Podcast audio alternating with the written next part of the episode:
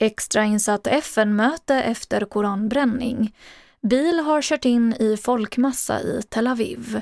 Och flera konserter har dragit stor publik i Sverige i år. TV4-nyheterna börjar med att FNs råd för mänskliga rättigheter kommer att hålla ett extrainsatt möte om koranbränningar i Europa. Det här rapporterar AFP.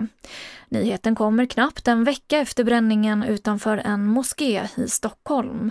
Vi hör TV4-nyheternas utrikeskommentator Elisabeth Frerot de kan ju inte utfärda någon form av sanktioner eller så, men ett fördömande vore naturligtvis otroligt pinsamt för Sverige som brukar vara den som anklagar andra för att byta mot mänskliga rättigheter. Flera personer skadades idag i Tel Aviv i Israel när en bil körde in i en folksamling. Det finns även uppgifter om att personer ska ha blivit knivhuggna på platsen. Det här skriver Sky News. En misstänkt gärningsman har skjutits till döds enligt lokala medier. Och Hamas har uttalat sig om attacken och beskriver den som det första svaret på den israeliska försvarsmaktens operation i Jenin. Det har blivit vanligare att unga pojkar utsätts för en ny typ av sexualbrott där motivet är mer ekonomiskt än sexuellt. Det här larmar barnrättsorganisationen Ecpat om. Pojkarna manipuleras att skicka nakenbilder till förövaren och pressas sen på pengar. Vi hör Sofie Josefsson på Ecpat.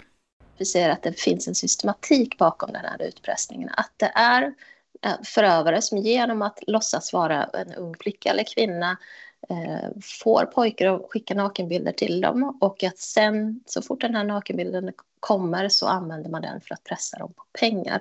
Och det primära syftet här är ju pengarna, inte att få pojken att skicka nakenbilder. Och flera konserter har dragit stor publik i Sverige i år. Och en ny undersökning från Myndigheten för kulturanalys visar att vi har återvänt till livemusiken efter coronapandemin. 40 procent säger att de besökte minst en konsert förra året. Och det här är en ökning jämfört med året innan pandemin, då 36 procent gick på konsert. Och det här var det senaste från TV4 Nyheterna. Jag heter Emily Olsson. Ett poddtips från Podplay. I fallen jag aldrig glömmer djupdyker Hasse Aro i arbetet bakom några av Sveriges mest uppseendeväckande brottsutredningar går vi in med hemlig telefonavlyssning och, och då upplever vi att vi får en total förändring av hans beteende. Vad är det som händer nu? Vem är det som läcker?